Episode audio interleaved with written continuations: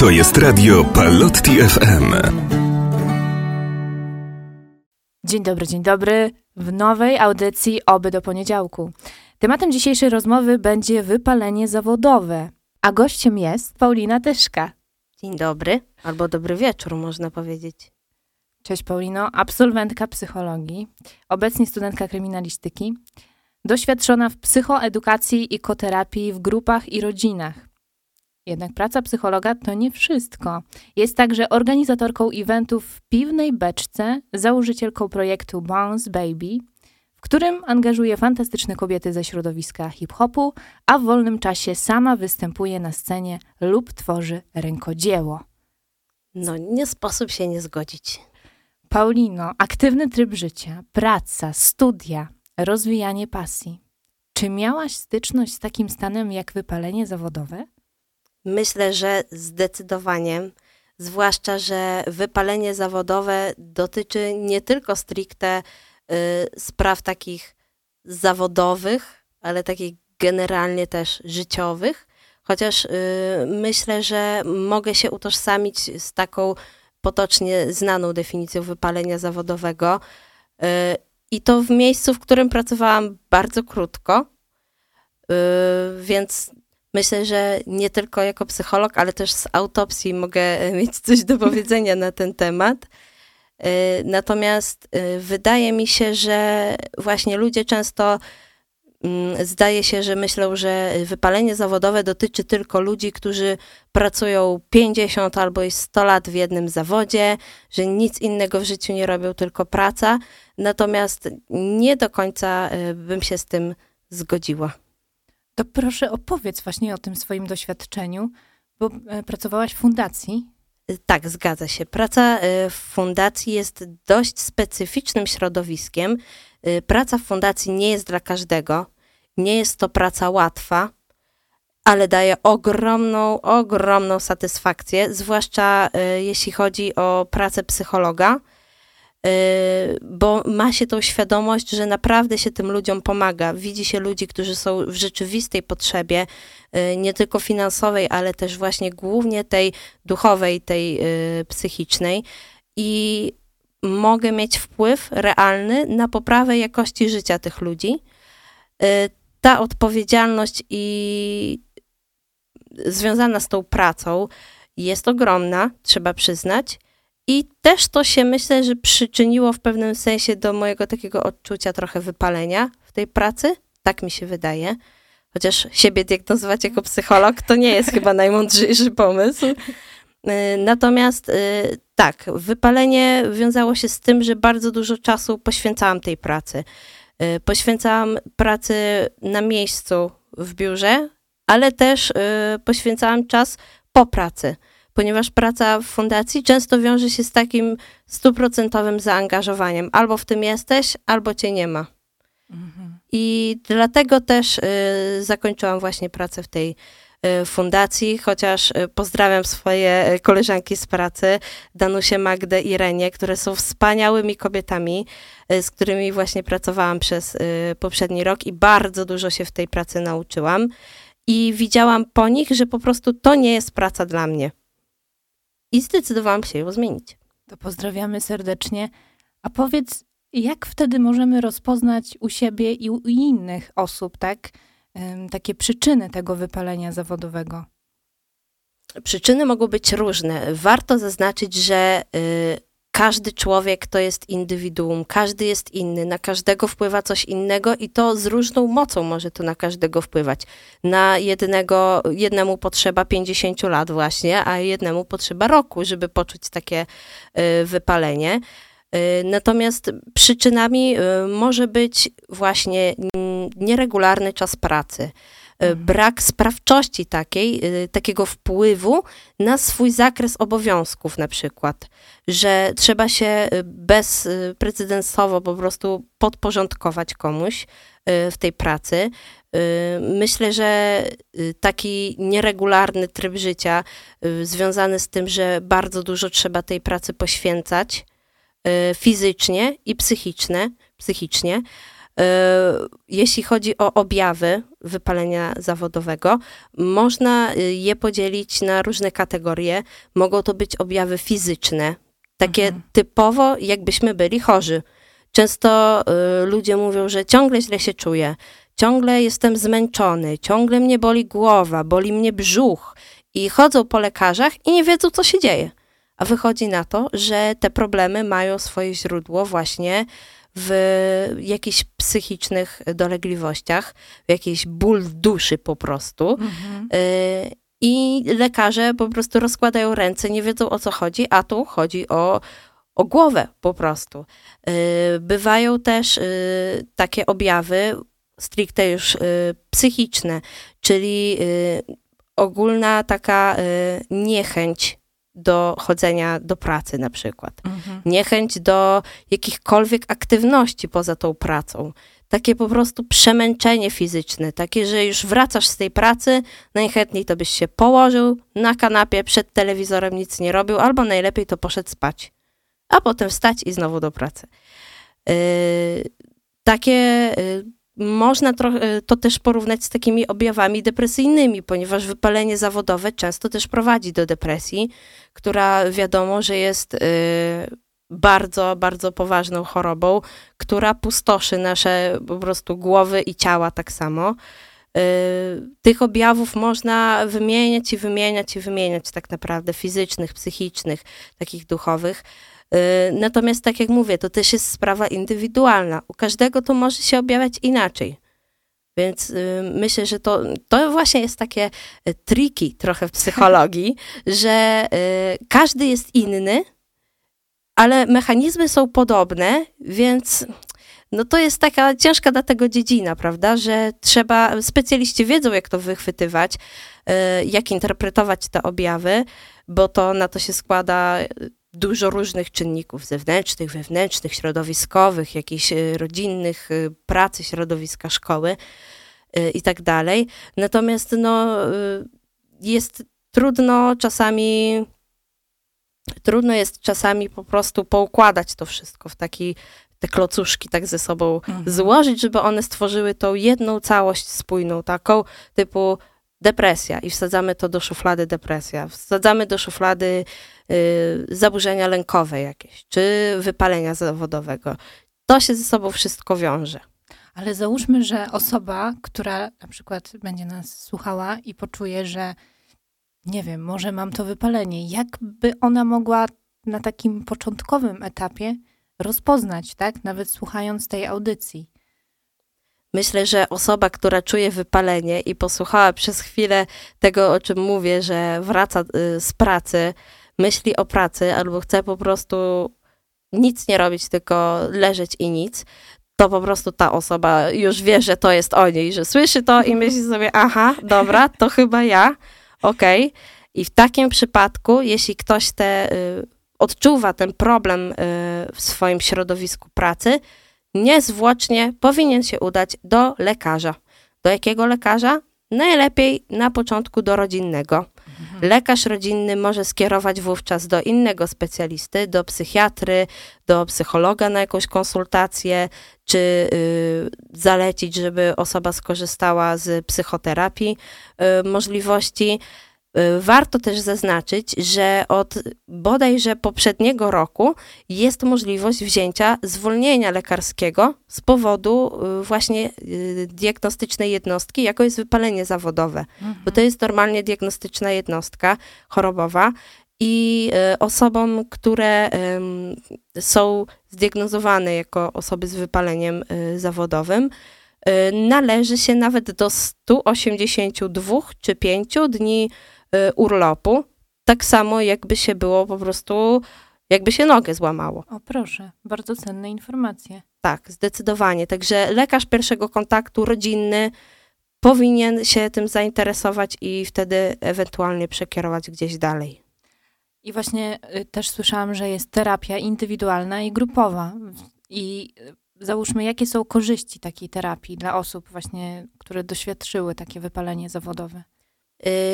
To znaczy, tak, terapia grupowa Y, Może nie, zacznę od indywidualnej, bo indywidualna zawsze, jak sama nazwa wskazuje, skupia się na tobie jako jednostce.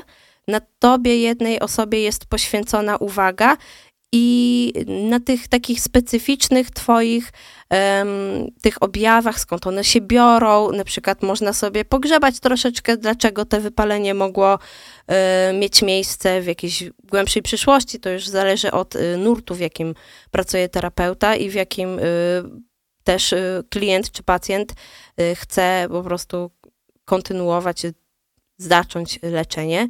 Natomiast terapia grupowa, y, o niej mam trochę większe pojęcie, dlatego że y, w mojej pracy byłam koterapeutką grup wsparcia, co prawda nie dla osób z wypaleniem zawodowym, ale y, widziałam po prostu te procesy wspomagające ludzi, którzy brali udział w tej grupowej terapii. Najlepszym chyba, co co jest podczas trwania takiej grupowej terapii, to jest wymienianie się własnymi doświadczeniami. Że można posłuchać też innych ludzi i pomyśleć sobie, o kurczę, to ja nie jestem sam. To ja nie jestem takim dziwakiem, że to co, mi się pracować nie chce? No bo jakby Polacy to są ludzie, którzy kochają pracować. Y, Są takie statystyki y, takiej instytucji OECD, która y, zrobiła statystyki na ten temat i według tych statystyk tylko Grecy pracują więcej niż Polacy. Szacuje się, że około 65% Polaków tak naprawdę y, może cierpieć na te wypalenie zawodowe, więc to jest ogromna liczba. Zaskakujące. zaskakująco ogromna, dlatego, y, no tak, nie jesteś sam, nie jesteś sama, jeśli czujesz właśnie, że dotyczy cię wypalenie. I na grupie wsparcia można y, się o tym przekonać. Tak namacalnie, to znaczy nie namacalnie dosłownie, tylko że po prostu mieć taką bezpośrednią styczność. Y, Jest dużo elementów y, psychoedukacji też, y, takiego, no, co też występuje w indywidualnej terapii, wiadomo, takiej nauki dbałości o siebie, o swoje ciało, o swoją duszę, o swoje wnętrze psychiczne, o swoją głowę ogólnie. Y, Także wydaje mi się, że jeśli na przykład miałabym komuś poradzić, czy iść na indywidualną, czy grupową, to bym nie poradziła. Idź na jakąkolwiek człowieku i po prostu korzystaj z pomocy. Jeśli to ci się nie uda, y, to ci się nie sprawdzi taka forma, to spróbuj innej. Z szukaniem terapii, to je, ja sobie lubię mówić, że to jest jak z szukaniem chłopa albo męża, czy żony. Że po prostu kilka razy musisz kilka osób poznać, czasami porozmawiać, tu wyjść sobie na kawę, herbatę, się zapoznać i się nagle okazuje, że nie, to nie dla mnie, idę, szukam dalej. I w końcu spotykasz tego terapeutę swojego, czy tam męża, żonę Mhm. i się okazuje, że to jest właśnie ten. I czasami ta, y, ta, te poszukiwanie może trwać długo. Tak samo jeśli chodzi o grupę wsparcia. Niektóre, niektóre osoby przychodzą na grupę i mówią, nie, kurde, to towarzystwo to mi nie pasuje jednak. Może warto poszukać innej grupy wsparcia. Także y, tutaj nie ma takiej recepty. Mhm. Tak jak mówiłam, że każdy jest inny. I ciężko taki po prostu instrukcję obsługi dla wszystkich, taką jednolitą y, wprowadzić. Trzeba próbować i trzeba y, dbać o siebie, szukać dla siebie tej pomocy. A powiedz właśnie, co wtedy możemy tak zrobić, nie mając takiej terapii, aby zapobiegać takiemu wypaleniu, tak? Utrzymywać naszą, nasze zdrowie i taką równowagę między, nie wiem, pracą, życiem prywatnym. Jak taki balans znaleźć też? To właśnie, Bożenko, dobrze powiedziałaś, że balans między pracą a życiem prywatnym. Trzeba pamiętać, że praca to jest praca. Fajnie, jak ją lubimy, Mhm. dobrze by było ją lubić, no kurczę, kto by nie chciał lubić swojej pracy. Natomiast po pracy wracamy do domu i mamy swoje życie prywatne. Balans między tymi dwoma jednostkami jest szalenie istotny. Naprawdę bardzo ważne jest, żeby mieć umiejętność odcięcia po prostu sobie tych myśli, od tego wszystkiego i mieć swoje jakieś życie. Y, Ważne, żeby y, dbać o siebie. To jakby to jest oczywiste, tak, że dbać o siebie w kontekście takim zdrowego odżywiania, y, nienadużywania używek, wiadomo, y, czy alkoholu, narkotyki, to wiadomo, że to nie wpływa na nikogo za dobrze. Y, I mieć taki tryb życia zdrowy, szeroko pojęty. Warto też na przykład stosować sobie takie metody y, medytacyjne, yoga, y, czy mm, jak y, na przykład modlitwa dla niektórych jest czymś takim, coś po prostu takiego wyciszającego, że mogę wrócić po tej pracy, oczyścić ten swój umysł, odsapnąć, tak trochę mhm. odpocząć. I według mnie, na przykład dla mnie, najbardziej, najważniejszą rzeczą jest posiadanie pasji swojego swojej, swojego hobby, jakiegoś robienia czegoś poza tą pracą, co nam sprawia przyjemność po prostu. Że my nie siadamy y, do biurka, żeby znowu pracować, tylko po prostu poświęcić się czemuś, co lubimy robić. I proszę tutaj nie szukać wymówek, że ktoś na przykład y, utwierdza się w przekonaniu, że jest beztalenciem artystycznym. To nie jest y, dobra wymówka, bo to nie chodzi o to, żeby na przykład jakoś y, tworzyć dzieła sztuki jak Picasso, jakieś y, bohomazy malować, tylko po prostu robić coś dla siebie. To, że ktoś nie umie malować na przykład, czy nie umie śpiewać, czy nie umie, nie wiem, jeździć na rolkach, no to chodzi o to, żeby po prostu mieć coś swojego. Nikt nie będzie patrzył, nikt nie będzie oceniał. Po prostu zacznij robić coś dla siebie. Mhm. Bo posiadanie czegoś swojego jest niezwykle istotną rzeczą. To jest takie, jakby się miało małego pieska swojego trochę. Może troszeczkę takie infantylne porównanie, ale takiego, że to jest twój, że on do ciebie przybiega, jak wracasz z pracy i merda ogonem, jak cię widzisz, jak cię widzi, to po prostu takie posiadanie swojej cząstki, takiej, że te hobby, ta pasja, w którą można po prostu, można jej się oddać w momencie, kiedy wracasz z pracy i nie chcesz o tej pracy myśleć. I my, no myślę, że to jest bardzo istotne. Ale na przykład jak doświadczamy stres w tej pracy, tak, to jak możemy też tak skutecznie sobie zarządzać tym stresem i też taką presją i w miejscu tej pracy, i poza pracą, jak już przychodzimy?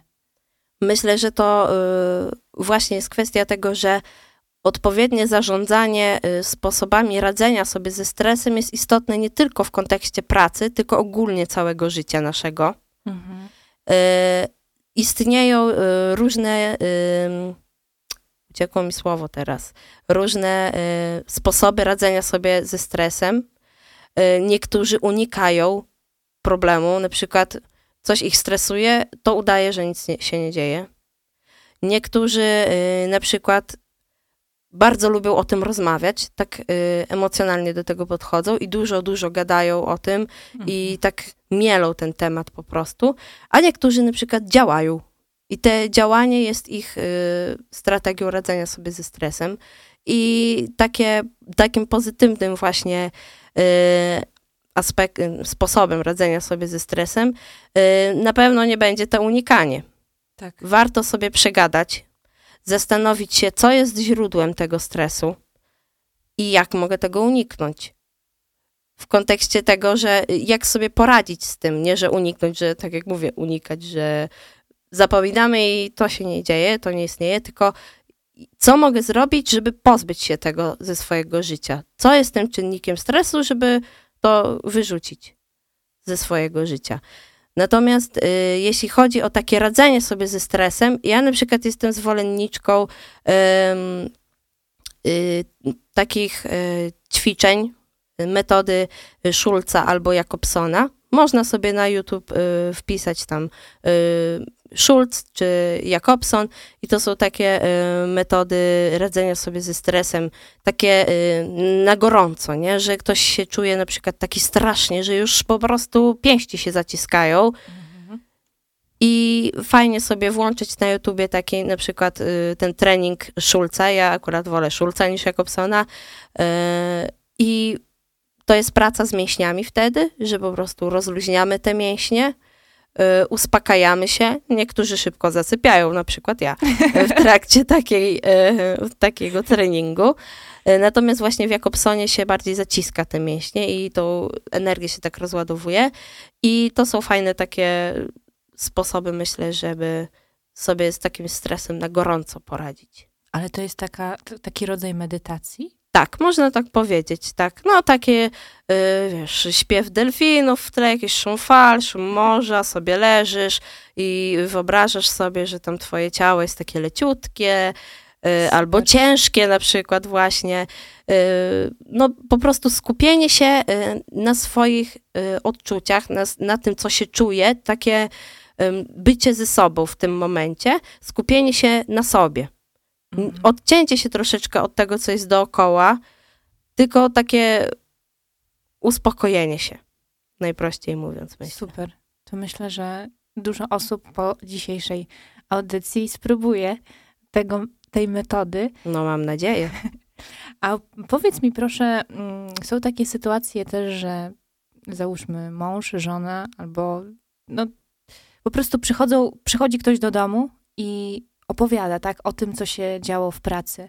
Czy to jest dobre, czy raczej tego trzeba unikać? Albo na przykład jak z koleżanką się widujesz y, i no chcąc, nie chcąc, nie wiem, taki temat powstaje. Czy on poniekąd jest dobry w takim, wiesz, uwypuklaniu też i że wychodzi to na światło dzienne, taki, taka rozmowa, y, że może to jakoś też emocje y, innej osoby wy, powiedzmy, wyfruwają, tak? Z tego ciała. Z te, z, y, I może to jest te, właśnie taki rodzaj ym, radzenia sobie, ale niekiedy ta druga osoba może poczuć, że czuje się z tym gorzej, że po takiej rozmowie ym, czuje jakiś niedosyt, tak? Źle, źle się czuje po prostu. Mhm, to jest y, też y, trudny temat. Y, tak jak mówiłam, to jest jeden z tych y, sposobów sobie radzenia takich y, emocjonalnych, że po prostu się mieli trochę te emocje. Y, czy to jest złe? Nie. Ale warto zaznaczyć, że wszystko ma swoje granice. I nawet święty ma swoje granice. Więc y, jeśli ja na przykład mam problemy w pracy i spotykam się z moją przyjaciółką jakąś y, po pracy i jej opowiadam, Boże, jak mi tam niedobrze, jak tam źle i miele, miele, miele. I spotkamy się za tydzień i ja znowu będę to samo i Boże, jak źle, jak źle, jak źle. I znowu, i znowu, i znowu. No to kurczę, no naprawdę. Trzeba mieć tą cierpliwość, żeby wysłuchać drugiej osoby. Yy, I tutaj warto wejść w tą rolę yy, jako ta na przykład potencjalnie moja przyjaciółka, która musiała wysłuchiwać moich żali, Mhm. żeby mi powiedzieć, słuchaj Paula, bo ty tak ciągle o tym mówisz, tak jest ci źle, jest ci niedobrze w tej pracy, a może weź i coś z tym zrób, na przykład. Może zastanów się, no nie warto iść w takie od razu, że zmień tą pracę. Tak. Bez sensu w ogóle, daj sobie spokój, tylko raczej takie pytanie, że może jest coś, co y, mogłabyś zmienić. Zastanów się nad tym, co ci się nie podoba, jakie są plusy, jakie minusy tego, że tam pracujesz. Żeby ta osoba, która odczuwa te negatywne emocje w stosunku do swojej pracy, miała okazję, żeby sama do tego dojść, że ona chce zrezygnować z tej pracy, na przykład się przebranżowić albo y, zmienić sobie na przykład wymiar godzin w tej pracy, bo pracuje po 20 godzin na dobę, a na przykład fajnie by było, jakby pracowała te 8, jak normalny człowiek, y, który jest w te 8 godzin, no powiedzmy tam w miarę y, zdatny do pracy umysłowo, jakby y, sprawny wciąż. I żeby ta osoba druga miała takie, takie poczucie sprawczości, że to jest jej decyzja. Bo jak mi wszyscy naokoło mówili, że Paula, weź, rzuć tą pracę, to nie jest dla ciebie. No ja o tym wiem. Mhm. Wy mi nie musicie mówić, bo ja o tym wiem. Wy mi powiedzcie, co ja mam, jakby. Ja chcę się tylko wygadać, nie? Tak. Ja nie potrzebuję, żebyście mi mówili, że ja powinnam rzucić tą pracę, bo ja o tym wiem. I taka osoba nie potrzebuje jakichś takich rad, że rzuć robotę, tylko może takich pytań bardziej, nie? Że co cię tak denerwuje w tej pracy? Konkretnie, nie? Co mogłabyś zrobić z tym? Myślę, że takie y, podejście właśnie bardziej na zasadzie pytań niż bezpośrednio mówić, że dawaj, rzucaj robotę, to też jest yy, nie, że no, no trochę tak, trochę unikanie odpowiedzialności, bo to nie jest nasza odpowiedzialność. Jak mi się koleżanka żali na to, że y, źle się czuje w pracy, to nie jest moja odpowiedzialność, jak ja jej powie, że, powiem rzuć pracę i ona ją rzuci. Tylko to jest jej decyzja, tak? No ale yy, ta Ale czujesz wtedy odpowiedzialność. Tak, ja wtedy czuję tą odpowiedzialność. Bo co, jak ona rzuci tą pracę i nie znajdzie i na bruku wyląduje? I co, ja, ja będę musiała ją na swoje 20 metrów kwadratowych na Mokotowie przyjąć i będziemy w jednym mieszkaniu, w jednym łóżku spać? Absolutnie nie. Ja cenię swoją przestrzeń. No, y, jak to się mówi, różne, różne sytuacje się zdarzają. A mm, wracając tak mm, właśnie o tych godzinach mm, mówiłaś, tak pod kątem psychologicznym, praca lepsza jest w takich godzinach porannych, jak ktoś zaczyna i też powiedz o tej pracy zdalnej, jak to wpływa na nasze takie spostrzeganie później, tak, i pod kątem też takim psychologicznym. No to tutaj warto y, przywołać znany każdemu psychologowi slogan to zależy. zależy jak leży, bo y, jeśli chodzi o tą, y, te godziny pracy na przykład, y, warto zaznaczyć, że aktywność nasza, fizjologiczna, na przykład u kobiet i u mężczyzn jest inna. Kobiety bardziej, y, mężczyźni rano są bardziej y, tacy chętni do pracy i bardziej tacy aktywni, a kobiety później na przykład. To jest jakby uwarunkowane naszymi y, no, byciem kobietą lub mężczyzną, naszą fizjologią taką, prawda? Więc jeśli chodzi o pory dnia, to też jest bardzo indywidualne. Tutaj y, ja na przykład uważam, że dobrze mieć taką y, rutynę, taką regularność, że pracujemy w konkretnych, jak ktoś pracuje w konkretnych godzinach, to po prostu może sobie ten rytm dnia utworzyć, który jest po prostu tym rytmem zdrowym. I tutaj warto to odróżnić od rutyny, że ja idę powiedzmy 8-16, siedzę w pracy, wracam z pracy, jem obiad yy, i kładę się, nic nie robię, idę spać, bo to, no, to jest rutynowe jakieś, tak? A jak ja idę do pracy, wiem, że idę do tej pracy, mój organizm się nastawia na to, że ja wstanę o tej siódmej, bo muszę na ósmą dojechać do biura na przykład, czy gdzieś tam do szkoły, czy gdzieś dojechać, to nasz organizm jest bardzo mądry wbrew pozorom i on sam wie, w pewnym momencie się uczy i ludzie sami z siebie potem wstają o tej siódmej rano, bo się ten zegar tak ustawi, prawda? I y, po pracy na przykład gospodaruję sobie czas, że teraz mam czas na malowanie akwarelami, bo chcę sobie wychillować i sobie wypocząć po pracy i trochę umysł oczyścić, nie? Mhm. I wydaje mi się, że ta rutyna taka y, godzinowa, jeśli chodzi o pracę, jest ok, że to dobrze na nas wpływa. Natomiast, tak jak mówiłam, wszyscy jesteśmy różni, dlatego mówię, to zależy. Każdy z nas jest różny. Są pewnie tacy ludzie, którym odpowiada to, że mogą y, zmianowo sobie pracować, na przykład dwa tygodnie od czwartej do tam której godziny, a następne dwa tygodnie na nocki. No, tak, może, być może są tacy ludzie, którym, którym to odpowiada. Natomiast jeśli chodzi o temat pracy zdalnej, to jest temat świeży. Yy, Jak mam być szczera, ja nie czytałam za dużo publikacji naukowych na ten temat. Yy, Jeśli chodzi o wydolność w takiej pracy, komfort, jedynie mogę się posłużyć jakimiś yy, dowodami anegdotycznymi, takimi po prostu z życia. Ja na przykład wiem, żebym się w pracy zdalnej nie odnalazła. Totalnie nie ma takiej opcji. Ja muszę mieć kontakt z ludźmi. Sama zresztą słyszysz, że ja lubię sobie pogadać. Tak. Tak, ja muszę mieć z kimś pogadać, tu kawka jakaś, nie, kawy nie piję, herbata y, na przykład, tu sobie zrobić jakąś przerwę na obiad czy coś, nie? A jak siedzę w domu, to po prostu no nawet nie wiem, jak określić te uczucia, no wybuchnąć człowiek chce. Nie jestem na przykład ja do tego stworzona, a znam ludzi, którzy tylko praca, praca zdalna, bo przecież do jazdy sobie oszczędzają, tak? Wstajesz z łóżka, nawet w piżamie sobie siedzisz przed laptopem i jest ci spoko i po prostu tak ci o to odpowiada. Masz jedzenie w lodówce, bardzo dobrze, nie musisz chodzić, nie musisz z nikim gadać, bo nie wszyscy lubią. Są tacy, co nie lubią sobie y, pogadać i to jest dla nich komfortowe, tak? Więc to zależy, tak jak mówiłam. A jeśli chodzi o badania, to niestety nie jestem w stanie niczego konkretnego przytoczyć, bo no tak jak mówię, na pewno tych badań jest dużo, ale y, to jest świeży temat. Dość świeży, no bo ta praca zdalna nam się tak już y, w pełnym wymiarze pojawiła tak dopiero jakby z pandemią, mam wrażenie, prawda? Więc y, to jest świeży temat. A każdy z nas jest inny i każdy powinien dopasować sobie styl pracy do swojego stylu funkcjonowania po prostu. Jak tobie jest dobrze. Rób tak, żeby tobie było dobrze, dopóki krzywdy nikomu nie robisz, to jest okej. Okay.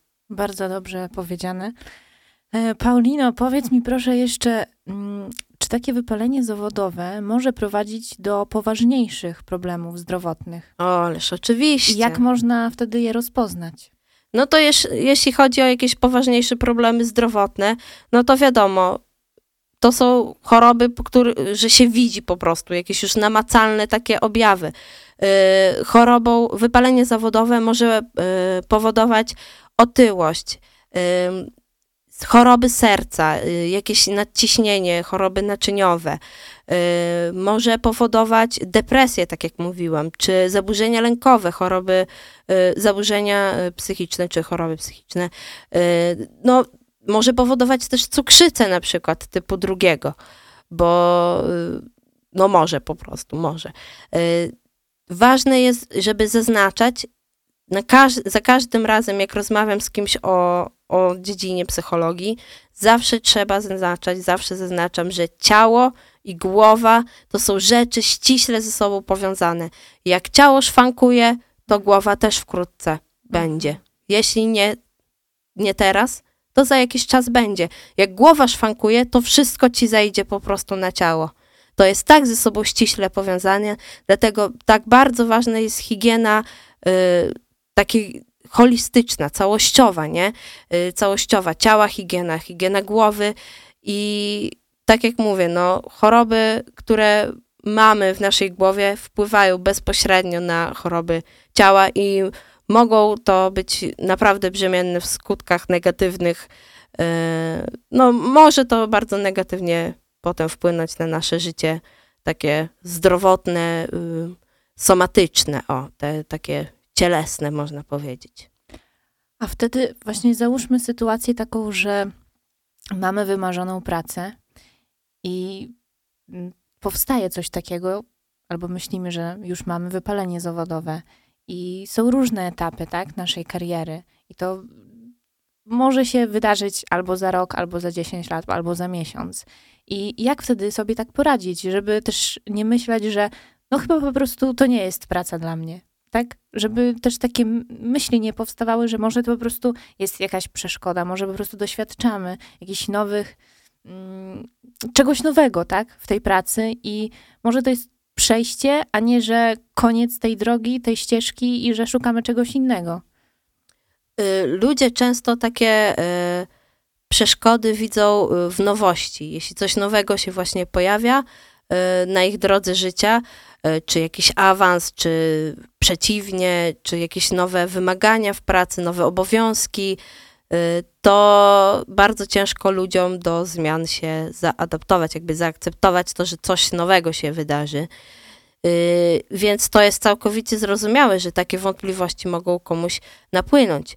Warto też zaznaczyć, że być może to wcale nie jest Twoja wymarzona praca. Może akurat ta sytuacja, ta przeszkoda no to jest ten moment, kiedy zdajesz sobie sprawę z tego, że nie, to nie jest to, co ja chciałem robić. I czy to przyjdzie po roku, po dwóch, czy po dwudziestu latach, to nic w tym złego. Zawsze można zacząć y, od nowa, próbować szukać się w innych jakichś y, branżach i w innych rodzajach jakby pracy. Jakby wszystko jest taką, większość rzeczy, można powiedzieć, że jest kwestią naszego wyboru, no bo są jednak rzeczy, które nie są kwestią naszego wyboru. E, natomiast mamy na to wpływ, tak?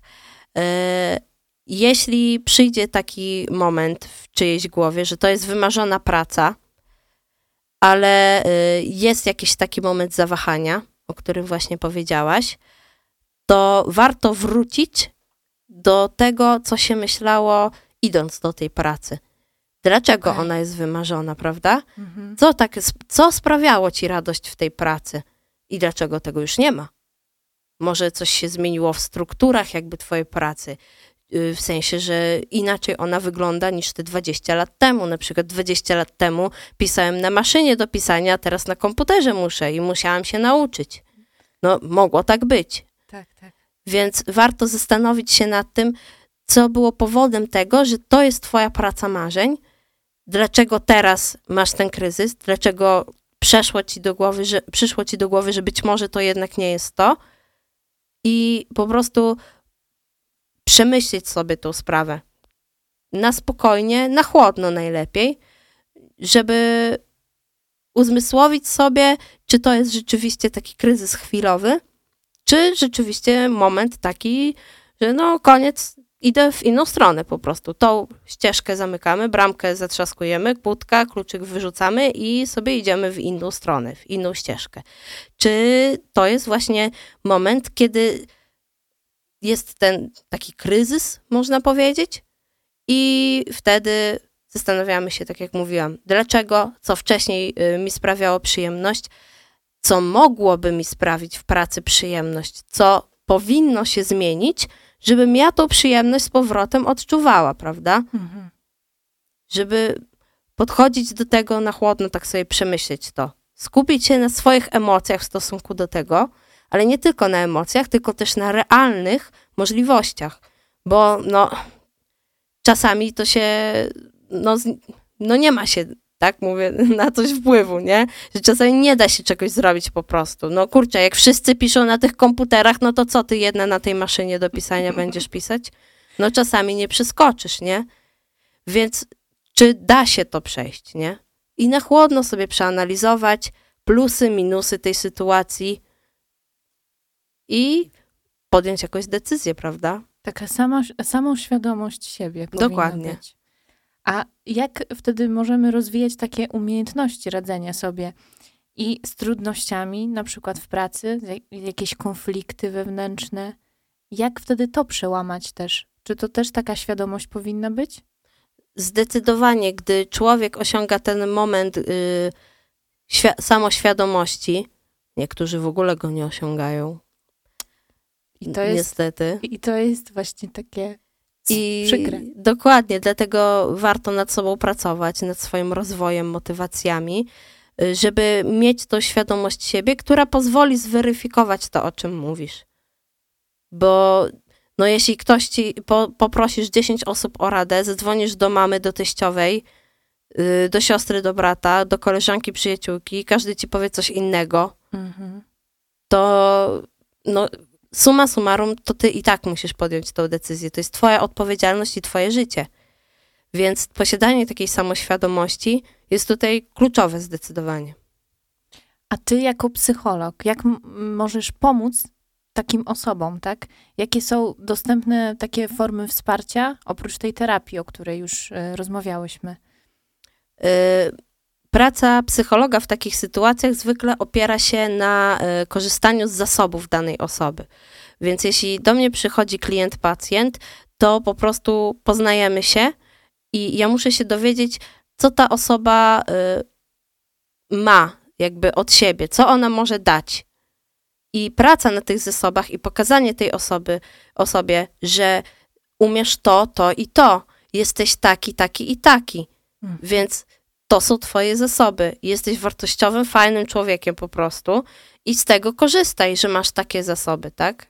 Więc praca psychologa głównie na, y, na zasobach pewnie by się y, skupiała.